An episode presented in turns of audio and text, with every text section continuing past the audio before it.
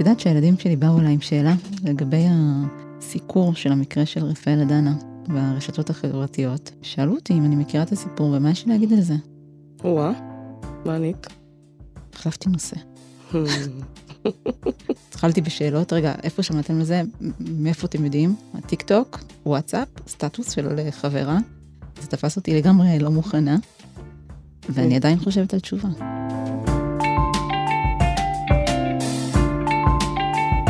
לא שקטות. עם טלי סמני ודוקטור רחל נגה.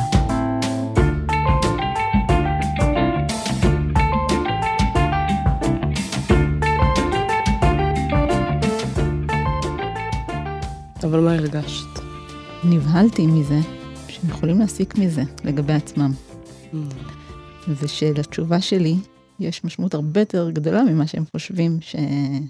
שיש. זאת אומרת, השאלה היא לא רק שאלה אינפורמטיבית, היא שאלה שהולכת לקבע משהו בתהליך הגיבוש שלהם, של הזהות שלהם, של עצמם, וביחסים שלהם עם החברה הלבנה, עם, עם משטרה. לפעמים שואלים אותי, צריך לפחד ממשטרה או לא? כן, הם ממש שואלים את זה ככה? זה איזה חוויה שלא. נוראית ומבלבלת לילדים, וואו, קשה מאוד. ממש. וגם קשה כ- כהורה, שאתה מנסה מצד אחד להכין אותם אולי למפגשים שיהיו לא נעימים, ומנסה לצייד אותם בכלים, ומצד שני גם לא רוצה לתת להם איזושהי הכללה, ולהפחיד אותם יתר על המידה. תגידי, אבל לשנייה אני מתרחקת מהילדים. איך את מרגישה כשאת רואה שוטרים? אני אישה, אומנם אתיופית, אבל אישה, על אף שהיו חוויות לא נעימות, כל מיני בקשות להזדהות בכל מיני מצבים אה, לא ברורים, הזויים, אבל אה, בדרך כלל זה עובר די חלק. כשאני חושבת על האחים שלי, על בני הדודים שלי, ככה מסתובבים במרחב הציבורי, בכל מיני מקומות שאולי לא טבעי להם לשהות בהם, אז אני מתחילה לדאוג. קח תעודת זהות. אם פונים אליך, אתה מדבר בטון כזה וכזה, שמור את הטלפון שלי בחיוג מהיר. תסבירי רגע את הפער הזה בין זה שאת אומרת אני כשאני עוברת ליד משטרה אני לא חווה שום דבר אה, כאילו יוניק אני אני בסדר לא גם לא חוויתי בחיי הרבה סיטואציות שבהם אה, נפגעתי אולי או זה להוציא אולי איזה כמה מקרים אה, ביזאריים בוא נגיד. אבל פתאום יש איזה דריכות אני שומעת כשמדובר באחרים באחים שלך. אולי בגלל שהם גם גברים אני לא יודעת. אני חושבת שלי כאישה אה, אתיופית במרחב לבן, יש הרבה הנחות והרבה אה, פריבילגיות ביחס לגברים אה, אתיופים או גברים שחורים. אני עוברת הרבה יותר חלק בגרון, אני הרבה, הרבה פחות מאיימת, וגברים שחורים, יש משהו, בעצם הנוכחות שהם לא צריכים לומר מילה. עוד לפני שהם מצטדקים, הם אומרים שהם למדו באוניברסיטה כזו או אחרת, או שיש להם כך וכך שנות השכלה, או שהם מגיעים מאיזושהי פוזיציה אה, חברתית, מכובדת, ציבורית. עוד לפני הכל, הם קודם כל גברים שחורים במרחב לבן, והם אוטומטית גורמים לאיזושהי דריכות. במפגש הראשוני, אם אין שם איזשהו תיווך, מרגיש לי כמו משהו שיש לו פוטנציאל למפץ. אז רגע כדי שמי שמאזין לנו לא יחשוב שזה פרי דמיונך, כן, או איזה השלכה שאת עושה על, על כאילו מבנים חברתיים וחלוקה של שחור ללבן, זה, זה סיפורים שאנחנו מכירות מהיום יום, כן, כאילו, ברור. אני בן דוד שלי שעובד בגוף ביטחוני היום, כן, עצרו אותו, שישה שוטרים פירקו אותו מכות והשאירו אותו עירום בצד הדרך, וזה לפני שאני הולכת למקרים מתוקשרים כמו סלמון טקה זיכרונו לברכה, יהודה ביאדגה זיכרונו לברכה, יוסף סלמסה, אלי סברת, כאילו לא חסרים לנו מקרים כאלה שבאמת מי שבסוף אה, זה הגיע לכ- לכדי מוות זה הגברים שחורים. אנחנו רואים את זה בכל העולם, כן? זה לא, נכון. זה לא, באמת לא... ככה, על מנת לא, לא לפגוע בפרטיותם של הגברים בחיינו. אני יכולה לומר שככה, אה, בקרב חברים ובני משפחה.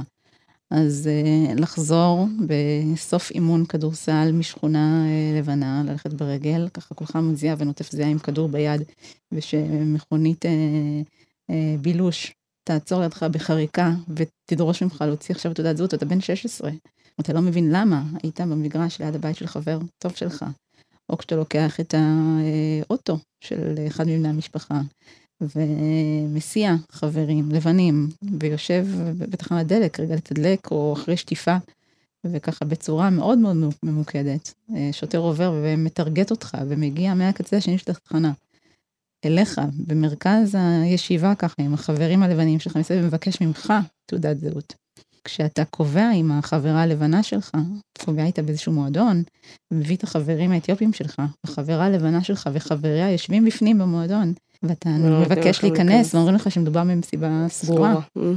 כשהם לא יודעים שאתה ככה את חושבת שעשו לי את זה בתקשורת. פעם? וכשהוצאנו מצלמה פתאום זה הפסיקה להיות אה, מסיבה סגורה? לך זה קרה, לי זה קרה, אני חושבת שזה קרה לרבים מאיתנו. כשאתה מדבר בטלפון עם שוטר ומנסה להגיש תלונה, ואז אתה מגיע ופתאום רואים שאתה שחור, אז, אז התגובה היא פתאום משתנה והופכת להיות הרבה פחות אה, אדיבה ונעימה. אנחנו יכולות לשבת ולתת פה מלא מלא דוגמאות באמת תוך כדי שאת מדברת קופצות לי מלא דמויות אה, בראש של אה, אנשים שאני מכירה וגם אה, חוויות שלי אישיות אה, אמנם באמת כאישה אני מרגישה שאני יותר שמורה ו... זה, אבל, אבל היו היו היו סיטואציות בעצם כל הדבר הזה בגלל שהרבה מהסיטואציות הן היו כאלה פוגעניות והרסניות בשפה המקצועית אנחנו קוראים לזה טראומות קולקטיביות. יש פה קולקטיב יוצאי אתיופיה בישראל שחווה כל מיני טראומות, כל מיני אירועים כאלה, שהם בסוף אה, מתייחסות לאיזה אה, מבנה חברתי. כרגע זה מבנה חברתי אולי שמחולק לפי צבע, וזה מתקיף את הקשרים בין, ה... בין פרטים בתוך החברה. כן, וזה מייצר חוויה של טראומה. הפער הזה שאולי קודם התייחסנו אליו בין זה שכאילו אולי לא חווית אה, דברים יותר מדי אה, דרמטיים בחייך אל מול משטרה אבל עדיין יש איזה דריכות כשמדובר באחים שלך או אחיות שלך שהולכות למקומות שנגיד אה, פחות המשטרה תחשוב שזה טבעי שהם יסתובבו שם זה מייצר דריכות. כן, אבל על אף שאני לא הייתי בסיטואציות בהן אני חוויתי אלימות משטרתית או בריונות מצד אה, גורמי אכיפת חוק, אני מרגישה שאני בהרבה מקומות מתורגרת כאילו חוויתי בעצמי את הטראומה. שיש עליה איזושהי טראומה משנית, בין אם זה מחשיפה תקשורתית, בין אם זה מחשיפה לסיפורים של אנשים מאוד מאוד קרובים אליי שסובבים אותי, שאני ככה, בתקופות שהתעסקתי במקרים כאלה, אז זה טורף לך את כל היום, זה טורף לך את כל החיים. את, את עוזבת את כל מה שאת עושה, ואת פשוט מתעסקת בזה. כולל זה שהאוטו שלך עכשיו תקוע במוסך, ואת צריכה עכשיו לנסוע תחנת משטרה בקצה השני של המדינה, אז את תזכרי רכב, ואת תעברי לשם, ותקחי ימי חופש מהעבודה או מהלימודים, ואנשים מסביב לא יבינו למה את בכזה אטרף על הדבר הזה. אבל את פתאום הופכת להיות ממש אחוזת אמוק סביב הדבר הזה, כי את רוצה שהדבר הזה ייפתר הצד הטוב ביותר, ואת משתמשת במגדר שלך במקרה הזה, בזהות שלך כאישה שחורה, שעוברת קצת יותר חלק בגרון, זאת אומרת, זה התפקיד שלי, זאת השליחות שלי עכשיו, להיות גם הכל עבור הגברים אה. שנושאים את אותו צבע, ובסך הכל באים בדיוק מאותו רקע, בדיוק עם אותן, אה, עם אותם ערכים, אותו חינוך, אותם רגילים. אבל החוויות האלה שבהם אתה מתהלך לך, יוצא מהבית, פשוט חי את חייך, ופתאום משום מקום נופל עליך איזה שוטר עם איזו דרישה כזאת להזדהות, עם איזושהי האשמה בפריצה שדווחה ככה באזור, ואתה אתה לא מבין מה, מה רוצים ממך. ומהבהלה הזאת אתה כבר עמוס בכל מיני סיפורים, מצויד בכל מיני חוויות של אחרים שהם כמוך, שבעצם הדבר הזה לא, לא הולך להתקדם לכיוון חיובי. אתה נורא נורא מבוהל, אתה מגיב כפוסט-טראומטי. לגמרי. כי אה, זה בדיוק הסיפור בטראומות קולקטיביות שאנחנו לא צריכות uh, לחוות אותן באופן ישיר אנחנו יכולות לחוות אותן באופן עקיף כי הבנים האלה שחווים את זה יש להם אחות יש להם בדודה יש להם אימא יש להם סבתא יש להם כאילו אנחנו חוות את זה באופן עקיף גם את ההשלכות עליהם וגם את ההשלכות באופן ישיר עלינו. אבל את יודעת אני כאילו רוצה רגע להגיד פה איזה משהו אנחנו דיברנו קצת על משטרה לא שאין לנו עניין איתם אבל אה, או ואנחנו חווים את זה בשבועות האחרונים אה, ביתר שאת שוב יש להגיד. הם לא הגורם היחיד שאנחנו חווים אל מולו אה, אה, מופעים אה, שמשחזרים טראומות ישנות. לא כדי לעשות למשטרה הנחה, היא צריכה לעשות בדק בית מול מערכת יחסים שלה איתנו, אבל יש עוד גורמים, אנחנו פגשנו את זה במערכת הבריאות, ופוגשים את זה במערכת הרווחה, ופוגשים את זה במערכת החינוך, ופוגשים את זה אל מול המון המון מערכות, חוויות שהן במצטבר שלהם, כשמסתכלים עליהם רגע בצורה קהילתית, כשרואים גם את ההשלכות שלהם, אנחנו מבינים שמדובר בטראומות אה, ממש, טראומות של ממש, והן טראומות שמבוססות גזענות. רגע, אני רוצה להכניס את המושג הזה. יש דבר כזה שנקרא טראומה שהיא מבוססת גזענות.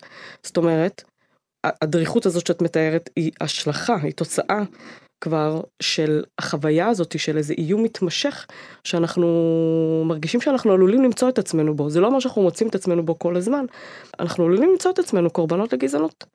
ויש לזה כל מיני מופעים, זה יכול להיות מופעים אה, מאוד אה, תת-ספיים כאלה שלא לא רואים ולא מרגישים אותם.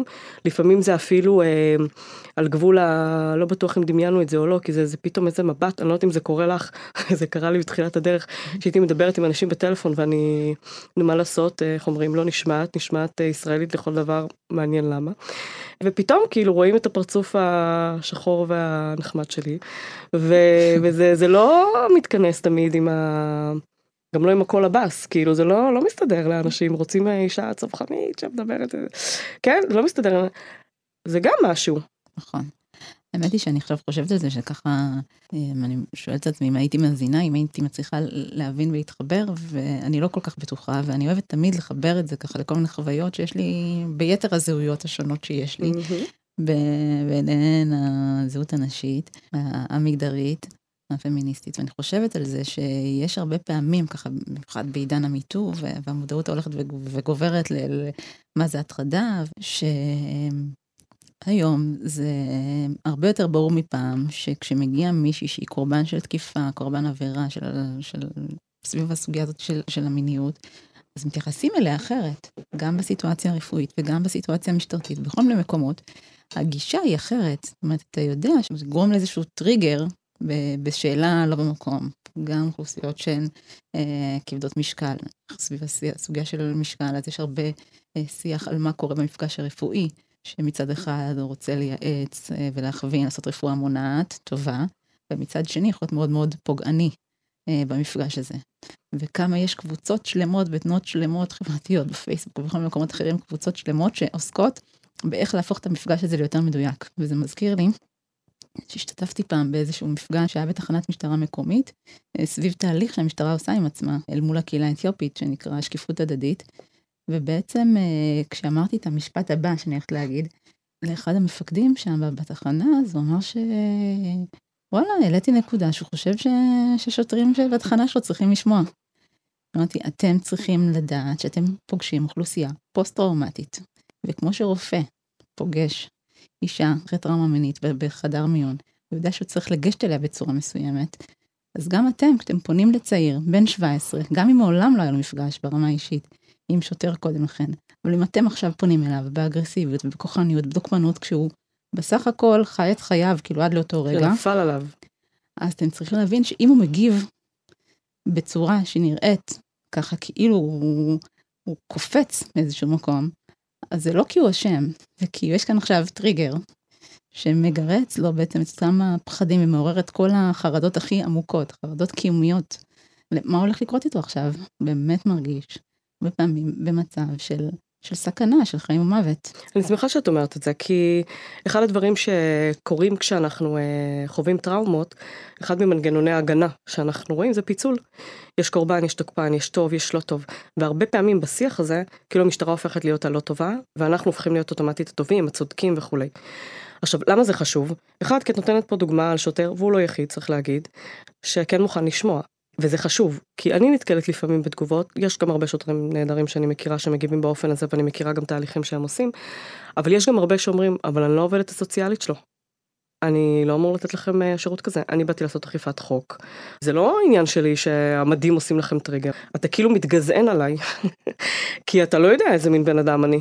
בזה שאתה ישר משליך עליי שאני עכשיו באתי לעצור אותך או להיות רע אל מולך וצריך להגיד משטרה כן באה ומייצרת כוחניות, כן? זה לא סיטואציות לא, נעימות הרבה פעמים. למשטרה יש לה כוח והיא צריכה לנצל את הכוח אחרת, היא מאבדת מהסמכות שלה, ואני חושבת שכאן צריך לעשות הפרדה בין העבודה לבין השליחות, לבין המטרה. המטרה היא אה, להגן ולשמור ו- ולעשות סדר ולאכוף חוק. ולתת אבל, שירות. אבל העבודה, זאת אומרת הפרקטיקה של זה הרבה פעמים מובילה בדיוק בדיוק הפוך במקומות שבהם מעורבות משטרתית יכולה להרגיע את הרוחות, ואולי זה אפילו התפקיד שלה והשליחות שלה בסיטואציה, בלי משים, בעצם גורמים דווקא להחרפה, לאסקלציה של האירוע. והדבר הזה, אני רוצה להאמין, ואני בוחרת בפרשנות שגורסת שהם ברוב המקרים, 99% מהמקרים, לא רוצים לגרום להחמרה, רוצים באמת לגרום לסגירה של האירוע, להשקטה, לנהוג בדרך מאופקת ומקצועית שמחזירה את הסדר, שעושה טוב, שמרגיעה. השימוש בפרקטיקות הוא כזה, שבעצם א', לא מלמד את השוטרים מול מה הם עומדים, בדבר הכי, הכלל הכי בסיסי כשאתה עושה כל דבר מול ציבור זה, דע מול מי אתה עומד. וב', הפרשנות שלהם לתגובות שיש לציבור, היא פרשנות שהיא מעמידה אותם גם הרבה פעמים במין תחושה שהם עצמם במלכוד. כשאם מישהו ככה פתאום הופך להיות נורא נורא נרגש מאופן הפנייה אליו, אז הם לא צריכים להבין למה התגובה היא כזאת... אה, אבל את יודעת אפילו צעד לפני, רגע, הפרשנות שלנו, אנחנו יודעות להגיד את זה, היא מושפעת מכל מיני דברים, גם דברים לא מודעים. גם השוטרים הם בני אדם, כן? מתחת למדים יש בני אדם שלובשים אותם, וגם הם חשופים לכל מיני הטיות לא מודעות שמפעילות אותן, כן? זה כמו שסביר להניח אני חושבת, אני פה משערת, למה, למה אנחנו כנשים פחות בסכנה, כאילו, אל מול גורמי אכיפת חוק? כי אנחנו נתפסות יותר חלשות, נכון? אני, אלך מכות עם שוטר, מה אני יכולה לעשות? כאילו, נגמר הסיפור. אחד לא מדמיין שצריכים מכות, נכון, נכון. את לא נראית פראית, מפחידה, מבהילה. והרבה מזה קשור גם למגדר שלי. כן. ואני חושבת שגברים שהם כאילו אפילו טיפה יותר סאסי נגיד, אז אתה כבר נתפס, במיוחד שאתה גבר שחור אתה נתפס יותר כאיום. זה כל, יש המון מחקרים שיראו לנו את הדבר הזה. נכון. אני חושבת שאחד הדברים שהם לא מורגלים לעשות, זה להבין שהפרשנויות שלהם הן לא אובייקטיביות, הן גם הרבה מאוד סובייקטיביות. זה לא רק להיכנס לזירה, ובאמת זאת עבודה מאוד מאוד קשה, להיכנס לזירה, לנסות להבין רגע טיק טק מה קרה שם, אה, מי צודק, מי לא צודק, איך, איך לנת... ואנחנו רואים דוגמאות, ראינו את זה סביב הסיפור של הבחור הזה, אה, דגו קראו לו, עם הכלב. תספרי רגע את הסיפור. אז, אז אה, רגע בקצרה להגיד, הוא ירד למטה עם הכלב שלו, מלצרית טענה שהוא התעלל בכלב שלו, יצא השף, ו- וראה את יעקב דגו שם עם הכלב שלו, והם התקשרו למשטרה, המשטרה הגיעה, אוטומטית עצרה אותו, תום אביב הרשה לעצמו אה, לתת אה, אגרוף מול המשטרה, ובסוף מי שנעצר זה יעקב דגו, שעד היום אגב הכלב לא חזר אליו. סיפור, במיוחד אחרי ששוחרר הוידאו, הזוי, כאילו באמת הזוי, הזוי, הזוי. שבעצם מה שהוידאו הראה זה שהוא עומד עם הכלב שלו קרוב בפתח המסעדה. כלב ומונע מהכלב להתקיף כלב אחר. בדיוק, פשוט מרים את הרגל וקצת עושה לו מעין מחסום, כדי שהכלב לא יתקדם. מנסה למשמע אותו, מה שנקרא, באותה סיטואציה. אגב, גם פה יש עניין מגדרי, כי כולם נפלו על תום אביב, ובצדק. דיברו מעט מאוד על המלצרית שהתחילה את כל הסיפור הזה. נכון, המלצרית שהלכה והתלוננה שיש כאן גבר שחור שמתעלל באיזה כלב. אז אנחנו מופעלים כל הזמן מהטיות. עכשיו, למה אנחנו נותנים הרבה פעמים את הדוגמה של המשטרה?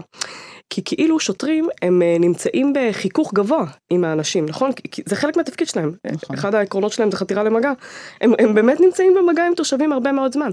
זה לא כמו משרד הבריאות שאת יכולה להגיד, נגיד אה, פרשת הדפרו פרברה, לכי תמצאי מי הם הרופאים שעשו את זה עכשיו, כן? או פרשת הדם, ואז זה הופך להיות מערכת הבריאות. שוב, נפתח פה סוגריים, פרשת הדפרו פרברה. כמה סוגריים בעצם... אנחנו עושות, וואו. שבעצם מדובר בפרשה שבה קבוצה של נשים אה, מבני ברק, נכון, עולות אה, חדשות. כך זה נחשף, אבל זה יותר. בעצם אה, התברר אחרי כמה שנים של אה, מיעוט לידות, חוסר לידות, שבעצם מקבלות זריקה. היא אמצעי מניעה בעצם. אמצעי מניעה, כן. אחת לשלושה חודשים, בעצם אמצעי מניעה להגבלת ילודה. רגע, אה, הסיפור הטרגי פה זה שזה ללא ידיעתם וללא הבנה של התופעות הלוואי. בדיוק. וכאמור אנחנו יודעים שזה קרה בעוד uh, מקומות ויש ש... אנשים שמעידים שעדיין קורה. אני חושבת שמה שמעניין בדוגמה הזו וגם בדוגמאות האחרות זה לדבר על איך אפשר להוסיף לנקודת מבט uh, היסטורית וגם רפואית במקרה הזה. אפשר להוסיף להתבוננות פוליטית חברתית. כי מה הסיפור של הדפו פברה בעצם אומר? בשורה התחתונה, הוא אומר, יש ילדים שראויים להיוולד ויש ילדים שפחות ראויים להיוולד, ואנחנו בתור ממסד אומרים מי אה, יותר ראוי ומי פחות ראוי להיוולד. זו הפרשנות הקהילתית שאנחנו נתנו לדבר הזה, ולכן זה, זה מוסיף לכל, ה, לכל החוסר אמון שלנו אל מול מערכות אה, ציבוריות, ובוודאי ובוודאי מגדיל את הטראומות אה, אה, אל מול הדבר הזה. אבל אם אני אחזור ככה, ואנחנו כן רוצות להנגיש כאן איזושהי נקודת הסתכלות שהיא קצת יותר אה, רחבה, נקודת מבט יותר רחבה. אומרים שזה בעצם טיפול שניתן לנשים, שיש איזושהי מניעה מלתת להם טיפול שהן לא יכולות להחזיק. זאת אומרת, טיפול יממי תרופתי אה, בגלולות. או שנשים שהן לא ברות אה, הסכמה לפעמים לטיפול הזה. אז זה בעצם קצת מספר על מה המבט על אותן נשים יוצאות אתיופיה. אני שמה רגע בצד את העניין של ילדים שנועדו להיוולד וילדים שלא, אלא על, על, על הסתכלות על הנשים האלה כנשים פוגרות, האם הן אה, כשירות לקבל על, עצמן החלטות אה, רפואיות, האם הן יכולות אה, בכלל להבחין בין האפשרויות הטיפוליות השונות, הן יכולות להבין משמעות לתופעות לוואי. עד כמה צריך באמת לרדת לעומקם של רזולוציות כדי לקבל הסכמה. יתרה מכך, אני ישבתי בוועדה נגד גזענות של משרד הבריאות, Mm-hmm. שם ב-2000 ו... לא יודעת, 2015 אולי זה היה. שמענו עדויות של נשים, אגב, לא רק ממוצא אתיופי, גם נשים ערביות, ויושבת שם אישה ממוצא אתיופי. אגב, הייתה כזו גם אה, מישהי שסיפרה על אימא שלה, שהיא ערבייה. והיא מספרת איך אה, כשהיא באה ללדת את הילד החמישי או השישי שלה, קשרו לה את החצוצרות. ושאלו אותה, בניתוח קיסרי. לא שאלו אותה, היא אומרת שלא שאלו אותה, וגם כשביקשו אחרי זה בדיעבד לראות את הטופס שהיא חתמה עליו, שמסכים לקשור לה את החצוצרות, באורח פלא הטופס הזה לא נמצא. אה, לא חתימה שלה, לא של בעלה, לא של כלום. אין טופס, לא קיים. והיא אומרת שהרופא אמר לה, יש לך שישה ילדים, מספיק לך. זאת אומרת, הוא אפילו לא שאל אותה, הוא פשוט עשה הליך רפואי מבלי לשאול אותה. נעתקה נשמתי, אין לי, אין לי, כמו עכשיו, אין לי מה להגיד על דבר כזה מזעזע. אז זה, אפ- זה אפילו לא, לא הייתה פה שאלה האם היא מבינה את ההשלכות, האם זה הפיך, לא הפיך, תוכל... ו- אני לא אני- רוצה, אני- לא רוצה, אולי רוצה שמונה ילדים. בדיוק, זה אפילו בסיסי יותר מזה. האם בכלל הגברת רוצה? האישה באה ללדת, ילדה, ובסוף היא יוצאת עם קשירת חצוצרות. זה מזעזע, זה מחריד. ודאי שאת שומעת שזה לא עדות יחידה. כן. אין ספק שהמצבים האלה שבהם לא נלקחת באמת הסכמה מדעת לכל מיני תהליכים כאלה שהם הרבה פעמים יכולים להיות בלתי הפיכים, גם אם במקור תוכננו להיות הפיכים. אבל בעצם הסיפורים האלה שהם בסוף הם כמו אש בשדה קוצים, כאילו כל סיפור כזה, הרי אתם שמעתם את זה בוועדה, אבל uh, אני יכולה רק לתאר לעצמי איך יצאה נסערת מהסיפור הזה, וזה ככה התפשט בתוך המשפחה, והיו גם עוד סיפורים של עוד נשים, בתחילת שנות ה-80 היה סיפור מפורסם על זה שנשים אה, אה, אתיופיות במרכז קליטה נכנסו בזו אחר זו לחדר אה, רופא במרכז הקליטה, ובעצם עשו להם שם בדיקה גינקולוגית שנועדה לספק סקרנות מדעית לגבי אה, מידת אה, או שיעור אה, מילת הנשים שיש באוכלוסייה, מכיוון שהן מגיעות ככה מאפריקה. והן יצאו משם מושפלות, מדממות, ונורא נורא מפחדות. עכשיו, כמה נשים יש אחרי הסיפור הזה, שכבר הופך ממש להיות אה, אה, מין מורק כזה של, של הנשים המבוגרות שבאו אחריהן, שלא הסכימו להיכנס לחדר. אה, בעקבות זה לא, לא הגיעו לבדיקות גינקולוגיות. ומה שיעור הנשים שהיום לא אה, מטופלות בזמן, לא מאובחנות בזמן, עם כל מיני סרטנים. שמגיעות עם סרטן אה, צוואר הרחם מתקדמים. בשלבים מאוד מאוד מתקדמים, נכון? בגילאים מאוד מאוד צעירים, מהמם. ופשוט, אני מכירה לפחות שלוש משפחות כאלה, עם נשים כאלה שלא הלכו- לא הלכו לעשות בדיקה גינקולוגית מהחשש הזה. את מדברת וכואבת לי הבטן. והילדים כאילו- שלהם היום כבר אה, מתבגרים, אה, יתומים, מאמהות. אנחנו, את, גם לא, גם לא רק, אני חושבת לא רק על ההשלכות הרפואיות וההתנהגותיות של הדבר הזה, אני חושבת על איך הטראומה עוברת אלינו, לבני הדור השני. אה, ככה, כטראומה גולמית, ממש, לא מעובדת. שממש אפשר להרגיש אותה בכל חלקי הגוף. כאילו, אנחנו מדברות פה אה, כבר לא מעט זמן על כל מיני נושאים כאלה, ובשלב כזה או אחר העיניים של אחת מאיתנו דומעת, הבטן כואבת, ה- הקול והידיים מתחילות לרעוד, זה כאילו, זה חוויות אה, שנשארות באמת גולמיות ברמה הגופנית. ואני אומרת, אוקיי, אנחנו מדברות, ההסכת שלנו עוסק בבריאות הנפש, בואי רגע נגיד איך כל הדבר הזה משפיע עלינו בסוף, נפשית. חושבת שחוץ מזה שאת אומרת מה- אנחנו עוברות כאן בתוך הדבר הזה וכמה זה גולמי ול- ולא מעובד, בסוף אה, אנחנו נשות טיפול ומאמינות בטיפול ואנחנו שולחות לטיפול והולכות לטיפול והכול. איפה יש לנו גם במה לדבר על זה, גם בתוך הטיפולים, גם בקרב אנשי מקצוע, כמה מודעות יש לדבר הזה, כמה יש בכלל לגיטימציה לפתוח את זה בטיפול. כן, הרי איך מאבדים בלי לדבר. ואם אתה מאבד ופותח מול מישהו שאתה מרגיש שהוא לא קרוב לחוויה שלך, שאולי, שוב, מתוך אותה יכולת שמתוך המקום, ה- זה שחווה את הטראומה, בין אם באופן ישיר, בין באופן עקיף. את הזכרת קודם נפגעות פגיעה מינית, וזה בעיניי אה, אה, השוואה, אה, מקרים שונים לחלוטין וכולי, כאבים שונים. וזה. אבל רגע, יש משהו ביחס הציבורי אפילו, אני ככה רואה בכל מיני קבוצות, כש, כשמישהי משתפת שהיא חוותה איזה פגיעה כזו, אז הדבר הראשון שכל כל מגיבה כמעט כותבת לה זה אני מאמינה לך. וכמה עוצמתי הדבר הזה בלתת הכרה שהדבר הזה הוא באמת קרה. הוא באמת קרה. כן, כאילו, אה, לתת שנייה הכרה לדבר הזה. עוד, עוד עוולות גדולות בהיסטוריה של המדינה, כן, כלפי אוכלוסיות שלמות, שאומרות, קודם כל תנו הכרה. סיפור של uh, פרשת ילדים, ילדי uh, תימן, המזרח והבלקן. קודם כל הכרה, הצדק, הריפוי, ההחלמה, מגיעים קודם כל אחרי שיש הכרה. אם רגע נלך למנגנונים הפסיכולוגיים של מה קורה אחרי שחווים uh, טראומה כזאת. אז אחד הדברים שהזכרנו שקורים כשאנחנו uh, במפגש של מול uh, טראומה זה פיצול. אנחנו מחלקים את העולם בין קורבן ותוקפן, טוב ולא טוב. שחור לבן. אמ, ואנחנו הרבה פעמים מתארגנים בתוך הקבוצה שלנו, כן? ומה שקורה כשאנחנו אה, חושבים במונחים האלה של קורבן, תוקפן, טוב ורע, אז זה שאנחנו תופסים את הקורבנות כפסיביים. כן, יש איזו חוויה כזאת ש... שעושים לנו. הדבר הזה של לתפוס את עצמך כפסיבי, כזה שעושים לו, כזה שכאילו נעשה לו משהו, קודם כל היא חוויה קשה בפני עצמה, כי היא מנטרלת אותך מכוח, היא לוקחת לך את כל החוסן, היא לוקחת לך את כל השליטה על הסיטואציה. Mm-hmm. שצריך להגיד, טראומה זה דבר שמעורר המון המון חרדה. אחד הדברים שקורים לנו מול חרדה זה שאנחנו מנסים לייצר לעצמנו שליטה. אבל כשזה הסיפור, שזה קורה לנו, שזה יכול לבוא אלינו כרעם ביום בהיר, זה לא משנה כמעט מה נעשה, היא פשוט לוקחת לנו את כל הכוח. וזה משהו טבעי שקורה, אנחנו ממש רואים את זה.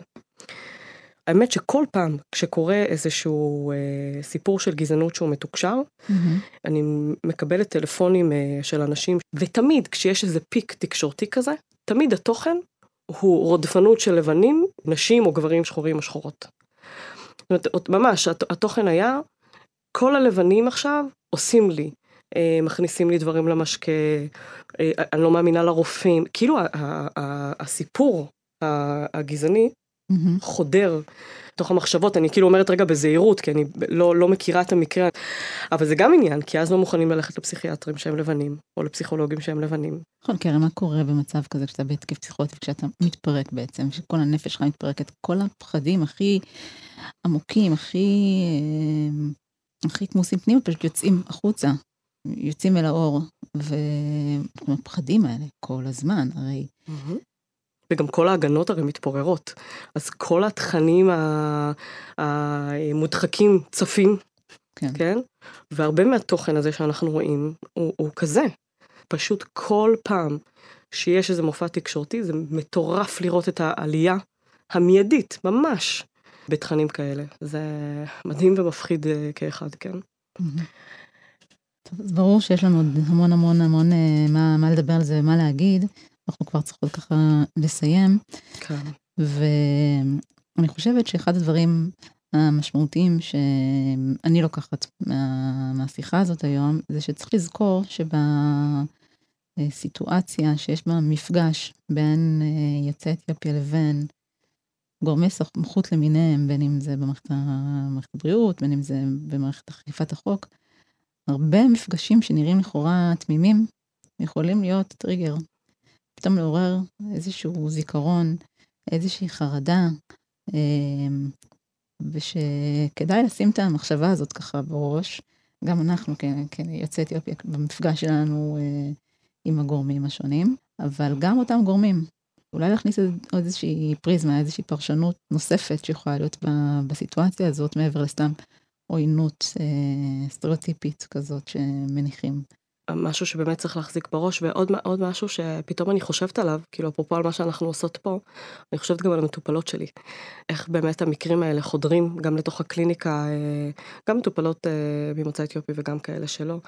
אני חושבת על המרחב הזה שאנחנו ייצרנו עבור עצמנו ועכשיו אה, מייצרות אותו כאילו קצת ביותר פומבי מרחב לדבר על הטראומות המשותפות. יש בזה פוטנציאל לריפוי המטופלת שלי אמרה לי את זה נורא נורא, אני מחפשת אנשים שדומים לי כדי לדבר איתם על זה. יש איזה פוטנציאל של ריפוי כי זה מאפשר לייצר אינטימיות וקרבה והבנה הדדית. אפילו שאולי חווינו את הטראומות באופנים שהם שונים ויש לנו סימני שאלה במקומות שהם שונים ויש לנו תגובות שונות לחלקים שונים בתוך הדבר הזה. יש איזה פוטנציאל לא רק לכעס ומרמור ופחד ודריכות וזה, אלא באמת באמת למקום של ריפוי. לא כולם מוצאים בסוף את המקומות האלה, ואני מקווה שהפודקאסט הזה יהיה איזושהי נקודת אור, כמו שאני זוכרת אה, אחרי אחת מהפרשות המאוד מתוקשרות, כשפנינה תמנו, שעתה, שהייתה אז חברת כנסת, עלתה לדוכן ודיברה יום למחרת איזשהו אירוע מאוד קשה. אמרה, אני קמתי היום בדיכאון, לא, לא דיברנו, לא הייתה שיחה הדדית, אבל אני זוכרת שהמילים שלה נתנו כל כך הרבה משמעות וכוח להרבה אה, יוצאי אתיופיה שישבו ככה בבית והאזינו לזה, הוא, וואלה, היא בדיכאון וגם אני בדיכאון. זה כן. הגיוני. כי גם דרך מישהו נורמלי. אחר אפשר להמשיג את מה שעובר עלינו. בדיוק. אז טוב, אמר דיכאון, זו שיחה שלמה, כאילו, על עוד השלכות של uh, טראומות קולקטיביות, דיכאון, חרדה, uh, אבל אנחנו לא נגיע לזה היום. מה שנראה לי שכדאי שאנחנו נעדכן אתכם, זה שבפרק הבא, אנחנו אולי נסיים את השיחה שהתחלנו, על איך זה משפיע על הורות. בדיוק. כל מה, הדבר הזה. מה אומרים לילדים? אז איך מגדלים ילדים חומים וילדות חומות בארץ שהיא מרביתה לבנה? פעם הבאה. להתראות. חפשו את מתחם כאן מרגישים באתר כאן, עם הסכתים ותכנים נוספים שיגרמו לכולנו להרגיש יותר טוב. כאן מרגישים כל מה שנוגע בנפש שלנו.